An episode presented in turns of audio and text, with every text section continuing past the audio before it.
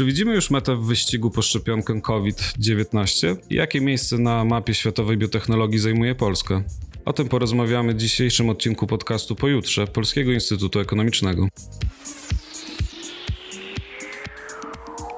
Szczepionki to jedno z najważniejszych osiągnięć ludzkości. Jednak dotychczas bezpieczne, skuteczne i dostępne na masową skalę szczepionki powstawały przez długie lata, a nawet dekady. Tymczasem w przypadku COVID-19 słyszymy, że szczepionka będzie dostępna w ciągu kilkunastu miesięcy. Czy więcej w tym prawdy, czy sensacji i płonnych nadziei? O tym porozmawiamy dzisiaj z doktorem Maciejem Drożdżem. Zastanowimy się także, jakie jest miejsce Polski na mapie światowej biotechnologii i co moglibyśmy zrobić, żeby rozwijać ten sektor w naszym kraju. Ja nazywam się Paweł Siwowski, jestem kierownikiem zespołu strategii w Polskim Instytucie Ekonomicznym. Naszym gościem jest dzisiaj Maciej Drożdż. Maciej jest biologiem i menadżerem z kilkunastoletnim doświadczeniem w branży biotechnologicznej. Studiował na Uniwersytecie Adama Mickiewicza w Poznaniu, doktoryzował się w Heidelbergu, a przez lata pracował w międzynarodowych firmach biotechnologicznych i zasiadał w radach nadzorczych firm notowanych na giełdach w kilku krajach świata. Cześć Macieju, dziękuję, że przyjąłeś nasze zaproszenie i porozmawiamy o tym ciekawym temacie. Chciałbym zacząć od takiego pytania, mm, które właściwie nurtuje wszystkich obecnie, patrząc na, na to, co dzieje się w mediach. Czy Twoim zdaniem, biorąc pod uwagę Twoje doświadczenie w sektorze biotechnologicznym, mm, te zapowiedzi, że szczepionka będzie gotowa w ciągu kilkunastu miesięcy, e, podczas gdy wcześniej na, na, na opracowanie szczepionek tak naprawdę potrzeba było kilku do kilkunastu lat, to czy te zapowiedzi są wiarygodne i czy Twoim zdaniem te specyficzne warunki pandemiczne dają nam podstawę, żeby wierzyć, że ta szczepionka będzie tak szybko wyprodukowana i dostarczona w odpowiednich ilościach? E, tak, e, witam wszystkich, e, dziękuję za zaproszenie.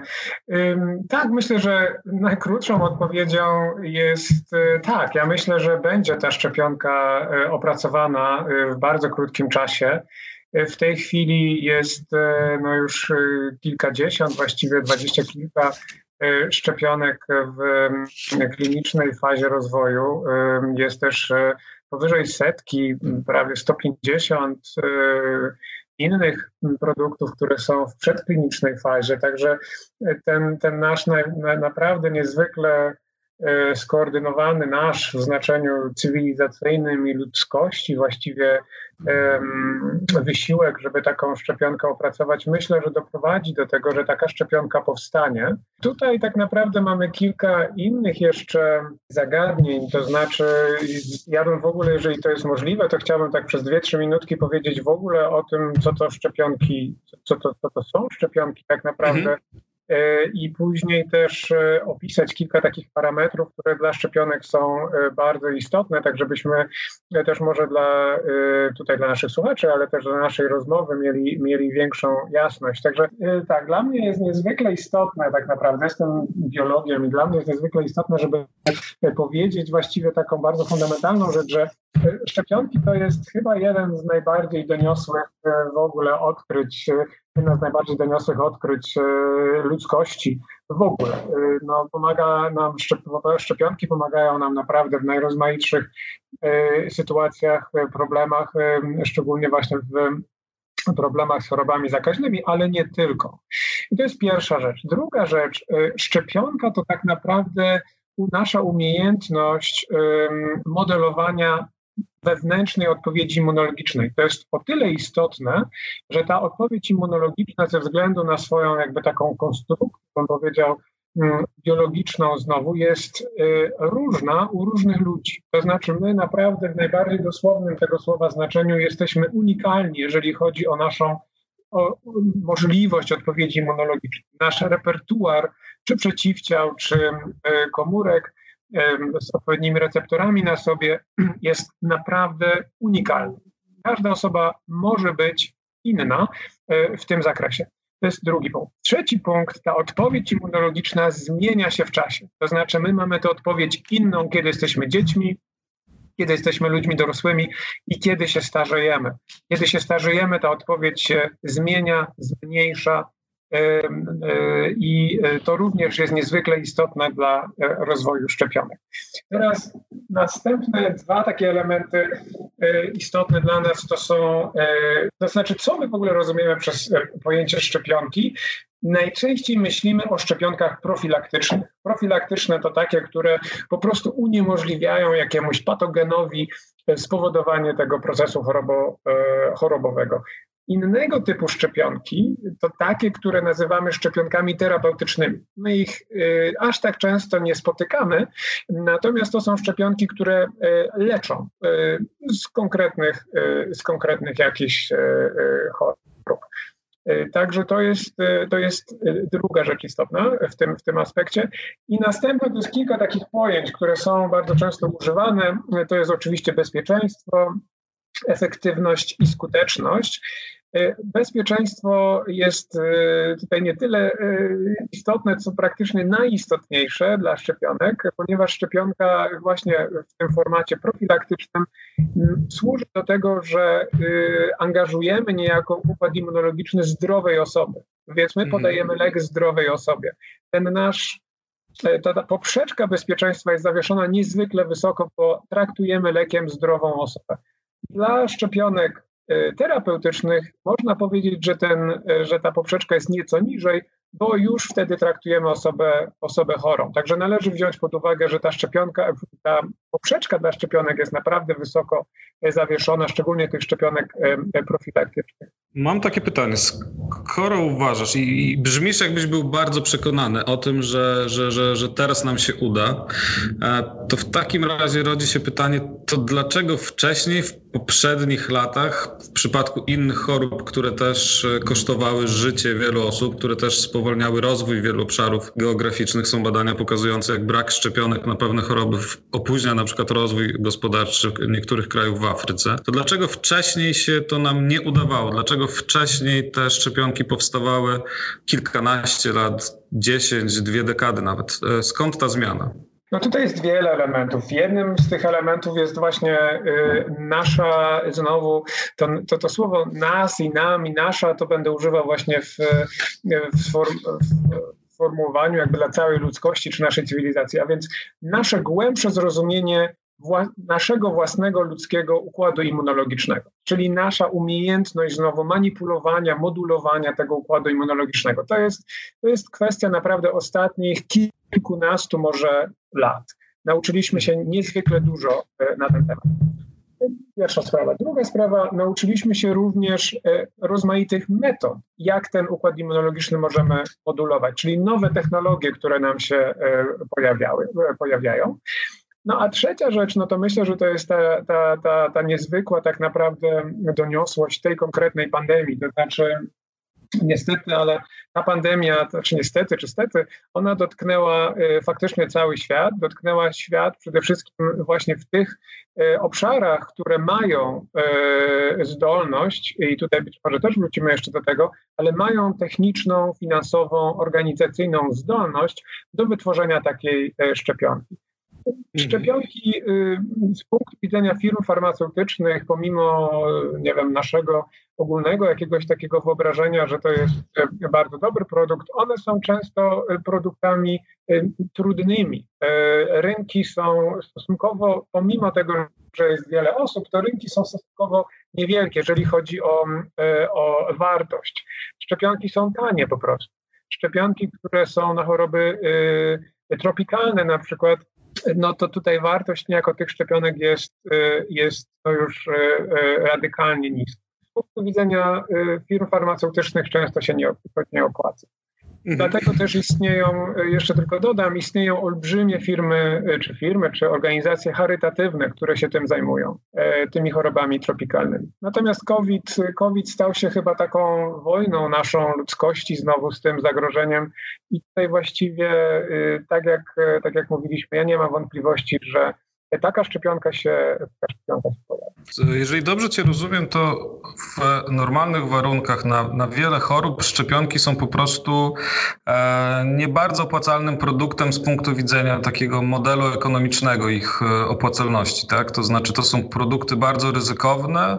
E, ich wytworzenie wymaga przetestowania wielu rozwiązań, z których większość e, się nie udaje, a później po, po, po tych latach i, i milionach dolarów włożonych w proces badawczy, okazuje się, że nie ma aż tak dużego rynku, który by racjonalizował te wcześniejsze wydatki. Czy, czy, czy, czy dobrze to zrozumiałem? Tak, jak najbardziej. Pewne analizy są oczywiście, analizy kosztów i analizy potencjalnego rynku są robione w pewnym punkcie czasowym. Tak? Ten punkt też troszeczkę zmienia nasz, nasz punkt widzenia. Natomiast tak, jest wiele takich sytuacji, gdzie po prostu analiza kosztów i analiza możliwości i analiza rynku prowadzi do do negatywnej decyzji, jeżeli chodzi o rozwijanie konkretnej, e, konkretnej szczepionki. Zresztą nie tylko szczepionki, tylko każdego właściwie leku. Mhm.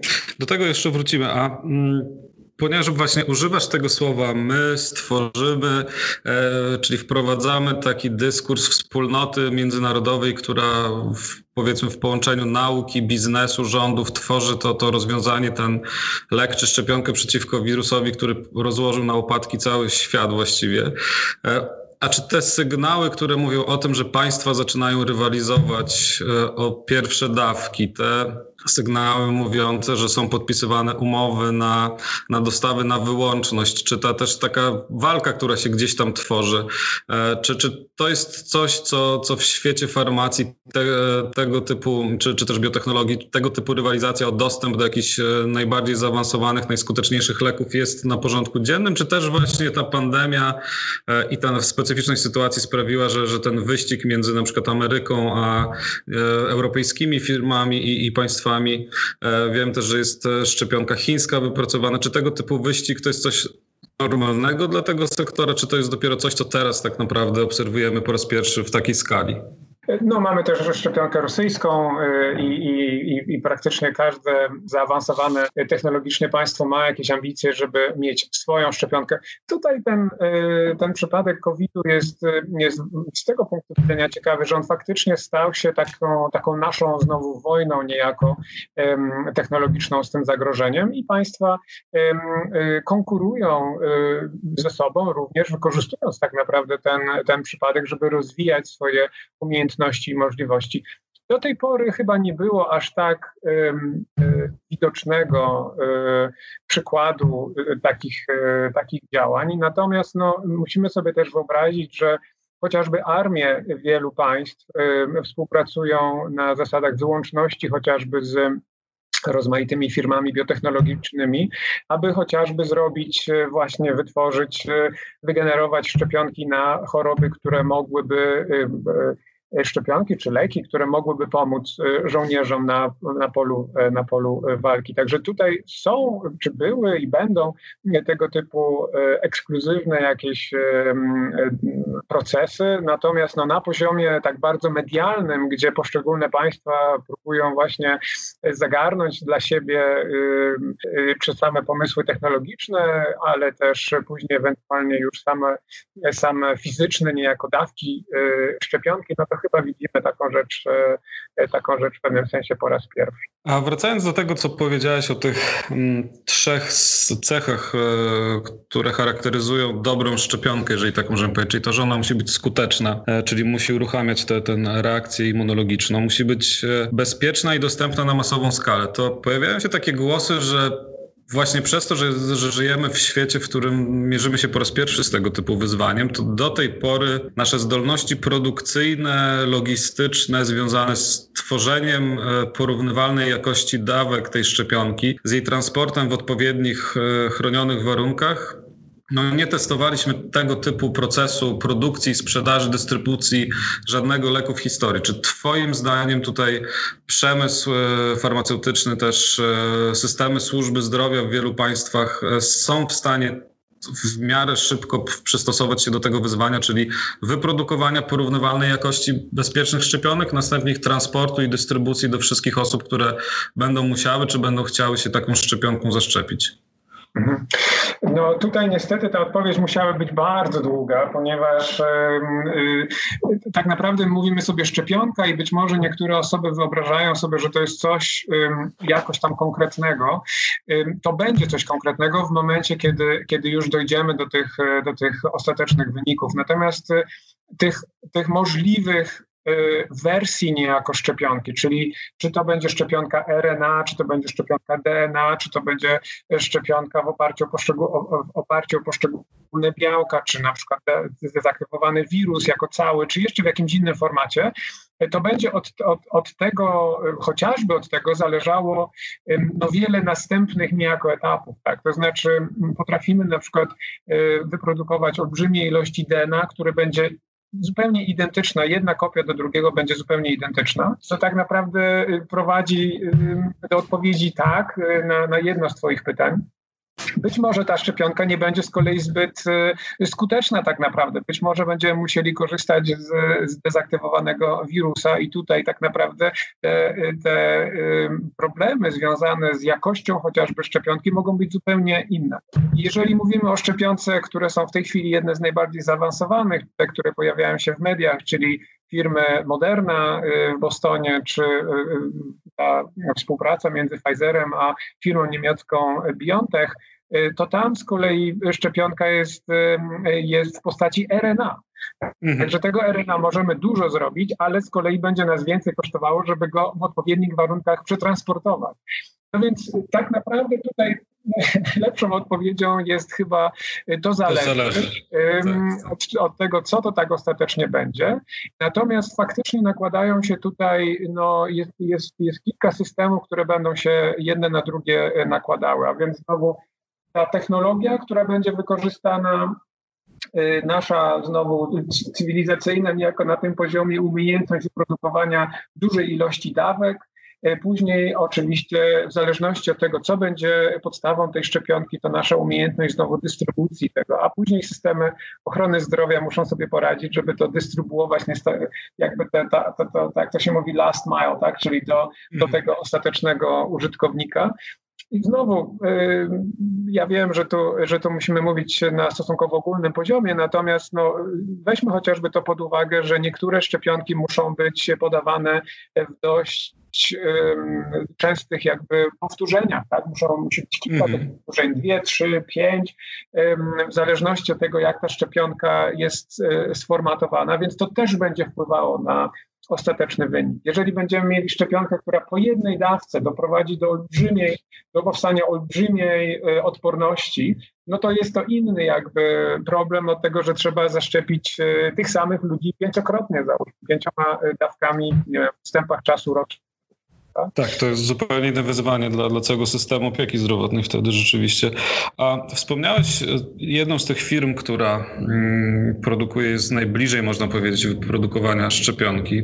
Jest najbardziej zaawansowana, bo, bo, bo jest w tej trzeciej chyba fazie badań klinicznych, rozpoczyna tę trzecią fazę. E, chodzi o Modernę i mm, to, to była jedna z najgłośniejszych e, firm w ostatnich miesiącach, to znaczy na, z jej akcjami na, na giełdzie działy się cuda, można powiedzieć. I to był trochę taki symboliczne dla, dla całego tego okresu, gdy wiele firm biotechnologicznych, wiele firm, które prowadzą badania bliskie e, COVID-owi, e, akcje tych firm bardzo rosły.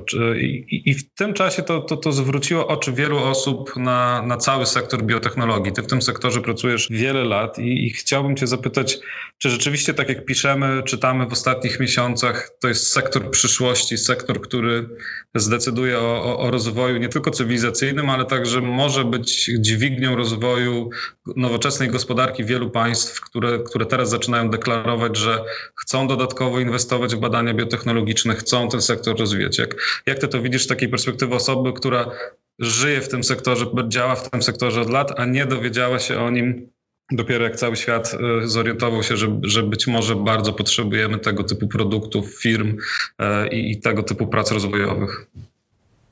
Tak, to, to no, no moja opinia, yy, ponieważ właśnie od, od, od, od wielu lat pracuję w tym sektorze, ale też z wykształcenia jestem biologiem, więc więc e, tutaj moja opinia może być tylko jedna.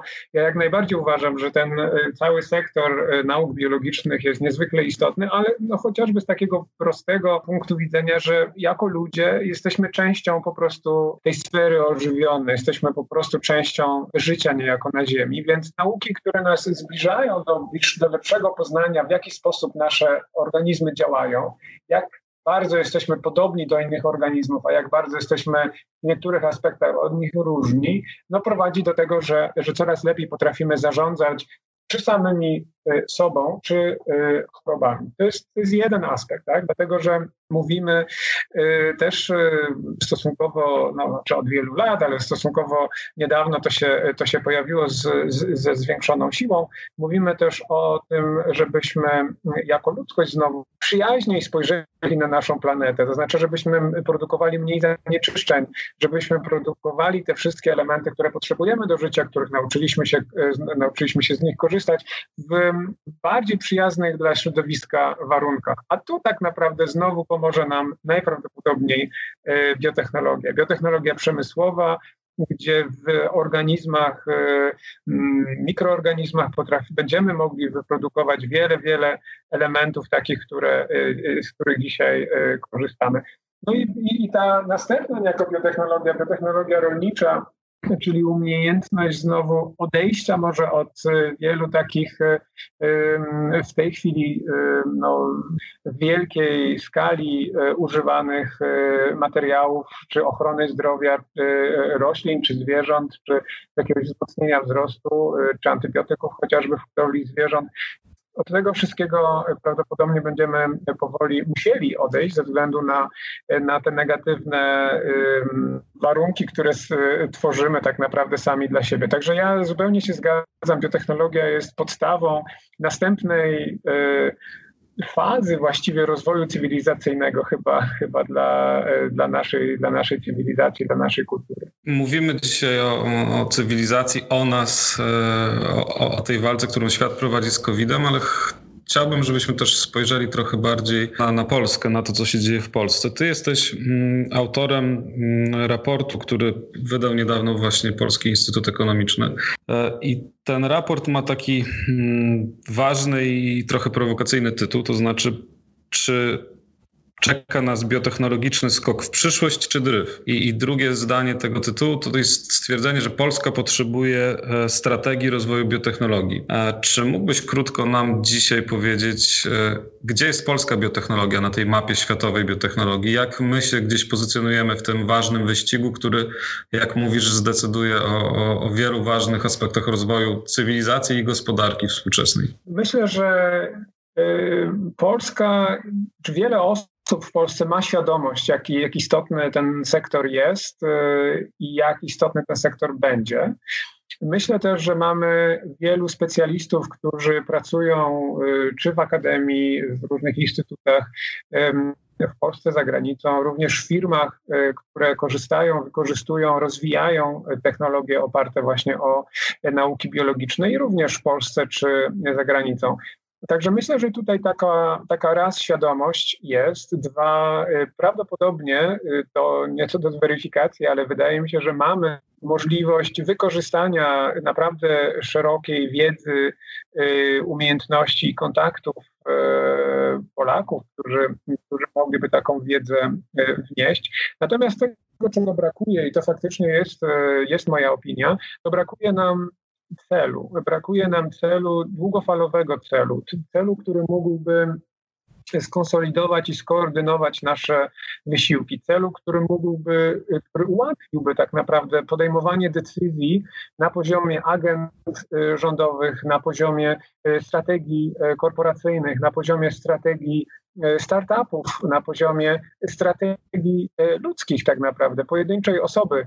Czy dla mnie lepiej, jako dla e, potencjalnego naukowca, jest się zajmować taką czy inną częścią tych nauk biologicznych? Myślę, że skoordynowanie właśnie tych, tych działań, przedstawienie raz y, celu, a dwa y, takiej mapy niejako, tak, y, czy ścieżki do, do dojścia do tego celu naprawdę wspomogłoby wiele wysiłków, które w tej chwili są podejmowane, ale chyba i tak wynika z mojej obserwacji, po, ponieważ te wysiłki nie są właśnie skoordynowane i skonsolidowane, to często nie, ich efekt jest mniejszy niż moglibyśmy sobie y, to życzyć i moglibyśmy sobie wyobrażać. Także to jest mhm. jakby rzecz, która jest, y, która chyba jest zaklęta niejako w tym, y, w tym tytule. Rozumiem. A, a rodzi się takie pytanie, że proponujesz, żeby wyznaczyć cel dla, dla całego sektora w kraju. Jak czytamy o, o, o, tym właśnie, co się dzieje teraz ze, ze szczepionką, też nie tylko ze szczepionką, bo także z produkcją leków czy terapii na koronawirusa, też e, nowych form testów, bardziej e, precyzyjnych, e, niezawodnych, też szybszych, to tam bardzo często pojawiają się nazwy wielkich korporacji albo jakichś małych, młodych startupów, które czasami są spin-offami, czyli takimi spółkami powstającymi e, na uniwersytetach, gdzie naukowcy gdzieś wynoszą swoją wiedzę do, do, do świata biznesu. E, no i teraz coraz więcej właśnie słyszymy o państwach, które finansują te, te badania, które podpisują umowy. To czy w tej triadzie państwo, gospodarka, biznes, państwo, biznes, nauka, czy tutaj państwo czy instytucje publiczne powinny mieć rolę wiodącą, czy, czy, czy Twoim zdaniem to raczej powinna być taka synergiczna współpraca i trudno wskazać na, na, na, na tą instytucję, która powinna ten cel wyznaczyć? Jak to Twoim zdaniem powinno się tu kształtować? No to, to jest też bardzo głębokie pytanie, bo to właściwie pytasz mnie o, o to, czym powinno być państwo w takich, takich układach.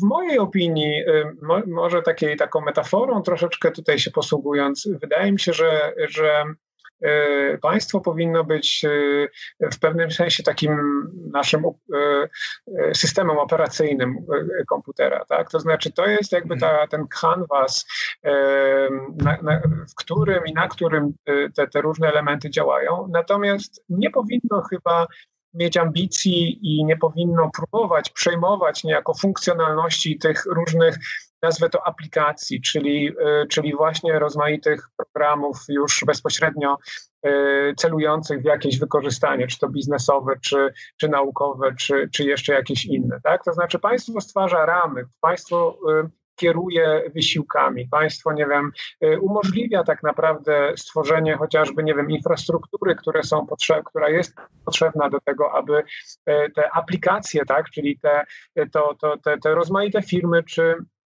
krajowe czy międzynarodowe mogły w tym systemie, w tym systemie działać. Ja myślę też, że rolą państwa jest w pewnym sensie wyznaczenie takiego celu. Wyznaczenie celu właśnie poprzez swoje działania, poprzez mhm. na, na, przykład inwestycje właśnie w infrastrukturę odpowiednią do zakreślonych celów. Nie jesteśmy w stanie mieć wszystkiego, tak? Nie jesteśmy w stanie mieć nieograniczonych zasobów nawet jako państwo, małe czy duże. E, natomiast poprzez skoncentrowanie tych wysiłków, myślę, że tworzymy znowu tę mapę, na której mogą pojawić się e, zupełnie unikalne właśnie, tak jak pojawiają się gdzie indziej, unikalne umiejętności, unikalne połączenia pomiędzy naszą inteligencją pochodzącą z akademii i naszymi umiejętnościami biznesowymi pochodzącymi właśnie z, z sektora gospodarczego. Mhm. Tak, to, to pytanie trochę zainspirowałeś mnie do tego pytania tym stwierdzeniem, że potrzebujemy celu, żeby na przykład naukowcy mogli lepiej organizować swoje badania i wtedy zastanowiłem się, czy, czy naukowcy e, potrzebują rzeczywiście takiego wyznacznika, czy gdzieś te, te, ich pytania badawcze, ta ich ciekawość poznawcza się nie rodzi gdzieś e, z innych też źródeł, ale też to, to jest wielka dyskusja teraz właśnie, czy nowoczesne, przełomowe badania, odkrycia są wynikiem tego, że prywatni przedsiębiorcy podejmują ryzyko, inwestują ogromne środki, e, bo, bo najczęściej, gdy mówimy o innowacjach, o, o przełomowych zmianach, to gdzieś w tym w tej takim dyskursie popularnym mamy na myśli jakieś innowacje technologiczne sprzedawane przez duże firmy i z drugiej strony mamy część naukowców chociażby zajmujących się historią technologii czy, czy też historią polityk publicznych, którzy twierdzą, że większości tych przełomowych odkryć nie byłoby, gdyby w jakiejś części, w jakimś etapie historii państwo nie podjęło ryzyka, nie zainwestowało w badania, które są ryzykowne, nie stworzyło warunków. Więc jest ta dyskusja między państwem minimalnym, państwem regulującym tylko i pilnującym, żeby wszędzie było bezpiecznie, stabilnie pod kątem prawnym i, i takich rozwiązań e, formalnych, a państwem, które bierze na siebie też ryzyko inwestycyjne, które nie tylko wyznacza cele, ale także inwestuje swoje środki. Więc tutaj rozumiem, że ty jesteś gdzieś pomiędzy tym, ty, ty, tymi dwoma aspektami, ale bliżej chyba tego państwa aktywnego, rozumiem, inwestującego też i no, odważnie podejmującego ryzyko. To znaczy i tak, i nie, niestety. Znaczy bardziej nie, mhm. dlatego że według mnie powinniśmy raczej stwarzać znowu warunki, tak? To znaczy te warunki powinny być stwarzane od, z, różnych, e, z różnych punktów widzenia, więc i legislacyjne, i oczywiście fiskalne, ale także, jeszcze raz powiem, infrastrukturalne. Jeżeli powiedzmy odniesiemy się do jakichś innych e, sektorów, jeżeli uważamy, czy uważaliśmy, że dla nas jest istotnym jako państwa, przykładowego państwa, nie wiem, rozwijanie technologii powiedzmy bezprzewodowych, tak, no to w tym momencie mhm. Państwo może y, sfinansować y, raz jakieś y, określone badania, na przykład na nowych materiałach chociażby, które mogło, na, na pierwszy rzut oka mogą nie mieć zbyt dużo do wspólnego z, z tą konkretną ambicją, ale będą miały, tak? Później być może powinniśmy sfinansować jakieś przykładowe, takie proof of concept, na przykład instalacje, które pokażą biznesowi, że to może zadziałać. To są, to są te, tego typu rzeczy. Wydaje mi się z kolei, że nie powinno państwo, to troszkę odchodzimy od tematu, ale nie powinno państwo inwestować bezpośrednio w budowanie no, takich e, wartości, powiedział, gospodarczych. To znaczy, ja jednak troszeczkę podejście takie znowu biologiczne, ewolucyjne, to znaczy e, ten kreacjonizm jakby taki państwowy, że my coś wykreujemy i to będzie wszystko bardzo dobrze stworzone, wykreowane i perfekcyjne, najczęściej w życiu realnym się nie, nie, nie, nie, nie, nie wydarza. Raczej powinniśmy korzystać tutaj z metod ewolucyjnych, to znaczy znowu stworzyć mapę, na, którą, na której będą ze sobą rywalizowały, będą współdziałały, będą e, współistniały e, takie elementy, które będą podlegały ewolucji, będą się rozwijały, będą rosły, będą znikały, a państwo, mówię, tworzy mapę, tworzy, e, tworzy zasady, ale nie uczestniczy chyba w, tych, e, w tym wyścigu ewolucyjnym. Tak ja bym widział, ale to mm. mówię, troszeczkę odeszliśmy od, od Odeszliśmy, tak, trochę na, przeszliśmy na poziom meta, a wracając właśnie do tej mapy, do, do tego, czego oczekiwałbyś e, od polskiej strategii rozwoju biotechnologii, której powstanie e, wraz ze współautorkami i współautorami raportu mm, postulowałeś, to e, w tym raporcie proponujecie takie podejście oparte na idei, na, na takim strategii czy schemacie leapfroggingu. Czy mógłbyś nam wyjaśnić e, osobom, które nie znają może te, tego pojęcia, czym taki leapfrogging jest i dlaczego Twoim zdaniem Polska, budując strategię dla, dla swojego sektora biotechnologii, powinna właśnie e, na tej koncepcji, na tym mm, schemacie się oprzeć? Mhm. No to, to, to dwie rzeczy. Pierwsza rzecz to jest analiza miejsca, w którym jesteśmy niejako. Znaczy my w tej chwili jako, jako Polska. Wydaje misie. To znaczy, analizując niejako te dane, które, które się pojawiają i te trendy technologiczne, które możemy obserwować w ostatnich latach, no więc moim zdaniem jesteśmy w pewnym sensie blisko jakiegoś przełomu, jakiejś zmiany. Y, naprawdę jakościowej zmiany, jeżeli chodzi o sektor, o każdy z tych sektorów biotechnologicznych, a więc i biotechnologii medycznej, ale również biotechnologii przemysłowej i rolniczej. Po prostu rozwój technologiczny będzie wymuszał nowego typu modele biznesowe, nowego typu zachowania biznesowe, nowego typu biznesy ogólnie. I my jesteśmy znowu blisko tego właśnie coś jak wyobrażam sobie, powiedzmy, ja akurat bardzo łatwo sobie przypominam te czasy lat, powiedzmy, końca lat 80., 90., gdzie państwa musiały podejmować decyzje, chociażby takie jak Polska, czy mają inwestować, czy mają budować sieć telefonii stacjonarnej. W, tej, w tym momencie już była um, obecna telefonia e, komórkowa. Tak? Czy powinniśmy kontynuować i gonić niejako świat e, ponieważ nie wiem, w Ameryce każda rodzina miała telefon stacjonarny, a w Polsce co 50 na przykład. Czy mamy budować infrastrukturę dla sieci stacjonarnej, czy mamy budować infrastrukturę dla sieci e, komórkowej? No, możemy powiedzieć, możemy zrobić to i to, dobrze. Możemy też powiedzieć, dobrze, zbudujemy stacjonarną, a potem jak się rozwinie sieć e, komórkowa, to po prostu przeskoczymy, też dobrze. Natomiast to obie, oba te elementy chyba nas pozbawiają możliwości i umiejętności też oddziaływania na ten cały sektor. Po prostu stajemy się jednym z konsumentów niejako tej technologii. W momencie, kiedy decydujemy, że to jest ten moment, kiedy należy przeskoczyć jeden etap, przeskoczyć telefonię stacjonarną i wskoczyć do telefonii komórkowej, wtedy jesteśmy aktywnym elementem tego systemu. To my decydujemy, jakie procedury, jakie procesy, jakie protokoły, jakiego typu elementy technologiczne są, są używane. Jesteśmy jednym z aktywnych niejako graczy. Budujemy te biznesy, budujemy chociażby, budujemy biznesy oparte o dane, tak? Jak wielkim biznesem w tej chwili są dane. I znowu ta metafora może być ciągnięta w nieskończoność, ale to, co chcę powiedzieć, to to, że według mnie jesteśmy blisko właśnie takiej sytuacji. Ona nie będzie aż tak binarna, nie będzie aż tak zero-jedynkowa. Będzie bardziej rozmyta, będzie być może wydłużona w czasie, ale to jest tego typu zmiana. I teraz mhm. znowu wracając do tej metafory, wydaje mi się, że mamy szansę y, jako Polska, czy Polska też w pewnym, pewnym systemie regionalnym, takim jak, jak te kraje dookoła nas, czy nawet kraje europejskie, uczestniczyć właśnie jako aktywny aktor w tym w tych nowych systemach biznesowych, które będą się pojawiały. Nie próbując gonić nikogo, tylko próbując kreować na podstawach nowo powstałych technologii e, biznesy, które będą biznesami przyszłości. I o to chodzi tak naprawdę w tym, e, w tym takim niezbyt ładnie żyjącym pojęciu e, leapfroggingu, a, a chodzi po prostu o przeskok technologiczny. Nie gońmy, tylko decydujmy o własnej przyszłości i twórzmy tę te, te, te, naszą przyszłość, bo to wtedy chyba jesteśmy w stanie być aktywnymi e, aktorami, a nie konsumentami, jakkolwiek to brzmi, y, technologii i rozwiązań technologicznych, które powstają dzięki Świetnie. To, to, co powiedziałeś, e, możemy chyba uznać za konkluzję i za przesłanie z naszego dzisiejszego podcastu, żebyśmy nie, nie szli tymi utartymi ścieżkami, skoro mówiliśmy o mapie, tylko żebyśmy poszukali własnej, własnego szlaku i gdzieś zaznaczyli nowe miejsca na tej mapie światowej biotechnologii.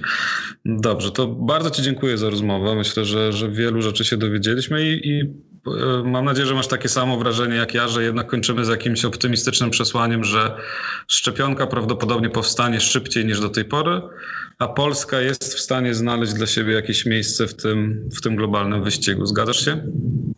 Zgadzam się z tym, że Obie te konkluzje będą zależne niestety od rzeczy, które są y, nieprzewidywalne, a więc od życia, od, od biologii, mhm. od natury.